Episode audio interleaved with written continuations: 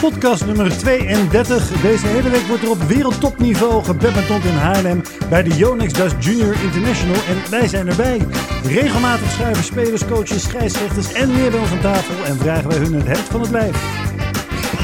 Oké, ja, we hebben aan tafel uh, Mr. Sidek himself van uh, de bekende service Sidek. Mr. Sidek, welcome in our podcast. Yeah, thank you. Welcome. Yeah. Uh, we're very anxious to have you on the show. Mm. It's, it's, honor. It's, it's quite an honor. Yeah. Um, you just were sitting behind the court behind one of your players. Yes. Yeah. Mm. that didn't go so well. What, what happened there?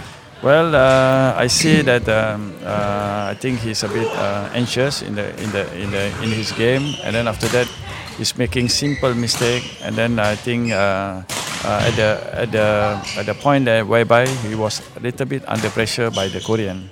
So when he start to make mistake, so he couldn't uh, couldn't turn over uh, the the uh, his game, uh, whereby he already uh, I see a little bit confused then. And and yeah. you're here now. You've been here last uh, last time too. It's, yes. We haven't had this for two years uh, due to Corona. Right. Uh, we met back then. Um, mm. do you see any changes in the in the opponents that you see here? So uh, what I can see, um, the, uh, this uh, the game is getting getting advanced in, in terms of each country has developed a very good youngsters under under 19 all all over the world. What what I can see, because since I went to Spain in the World Junior Championships. Uh, from there, I see uh, many many players uh, have developed a lot of um, a lot of develop a very good badminton level for each country, and of course, I can see is they have a different different kind of um, system.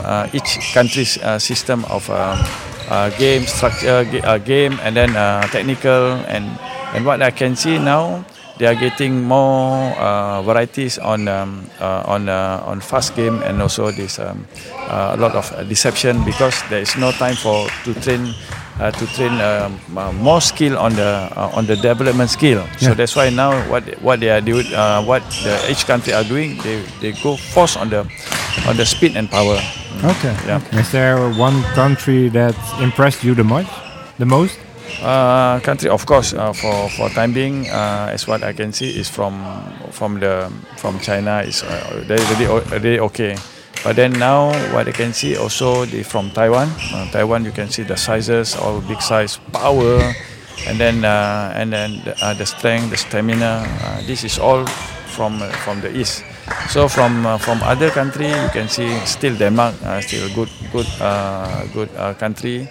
And then uh, from uh, from Spain, uh, the, the ladies uh, and uh, a few countries that uh, I can I can see that they have developed. Uh, I think most of them already semi-pro and of the, of course they are already full time in badminton now. Yeah. What, what about the, the French?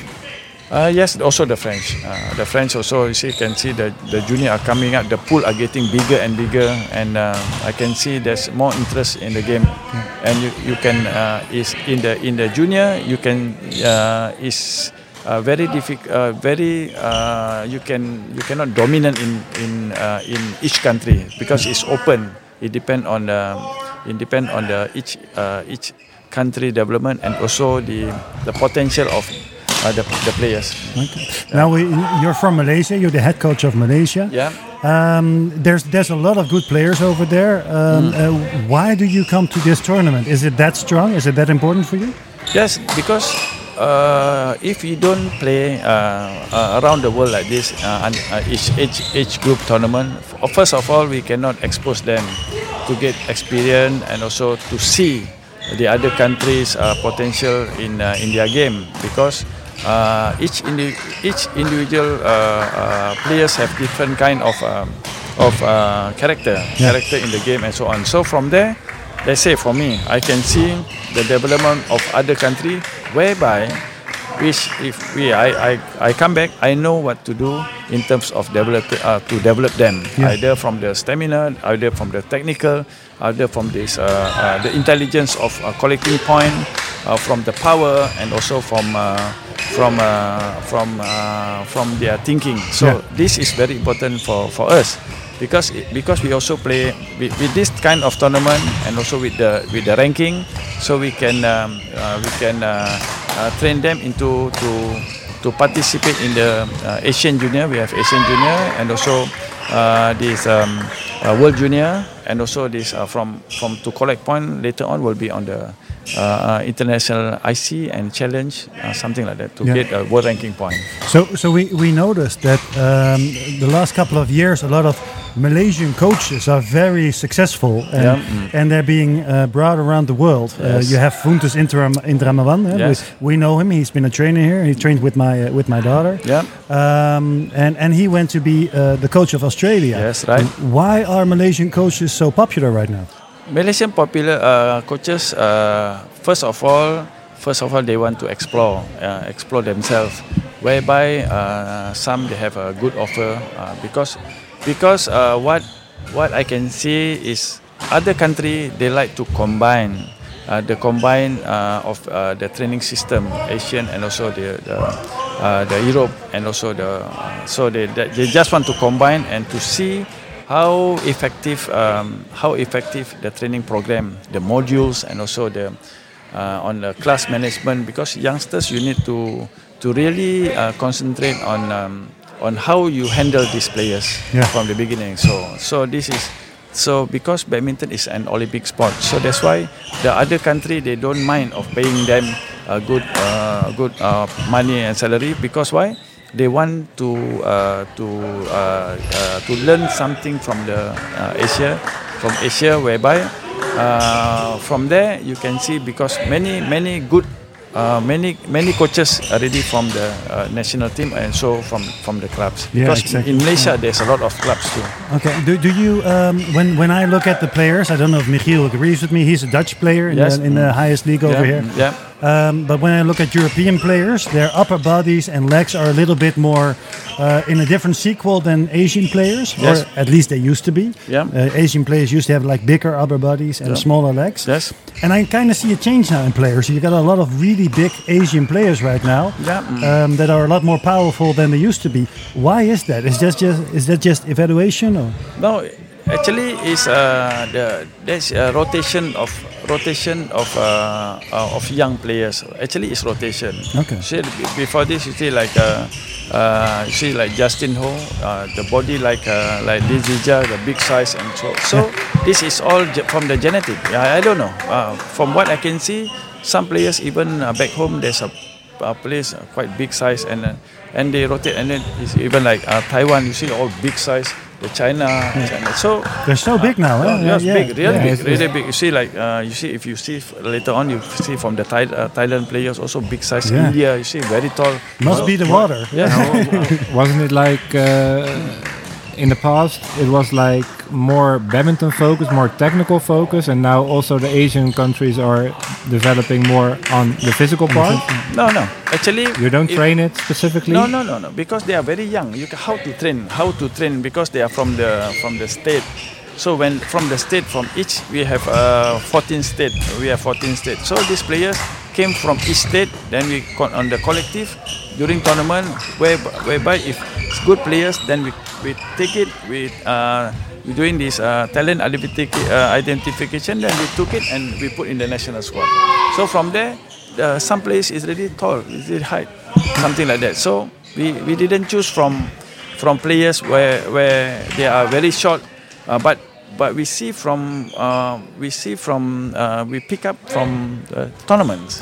And do you do you choose the players who are physically further advanced? Yes, some only, not all. Some. You see, why why the ladies uh, when we have all ladies and we're all very short because short short girls. They, the legs are very fast, so Yeah. they are very more agile. So that's why they win tournaments. So when we take it, uh, we pick up from from this uh, from each uh, tournament. So when put in the national, so they become short. They can, So we cannot uh, unless uh, tall players they are good uh, or they lost in the quarter semi. So we still pick up and we train them to become a, a player, a good player. Now you you have been a world famous player from Yeah. a world famous badminton family. Yeah.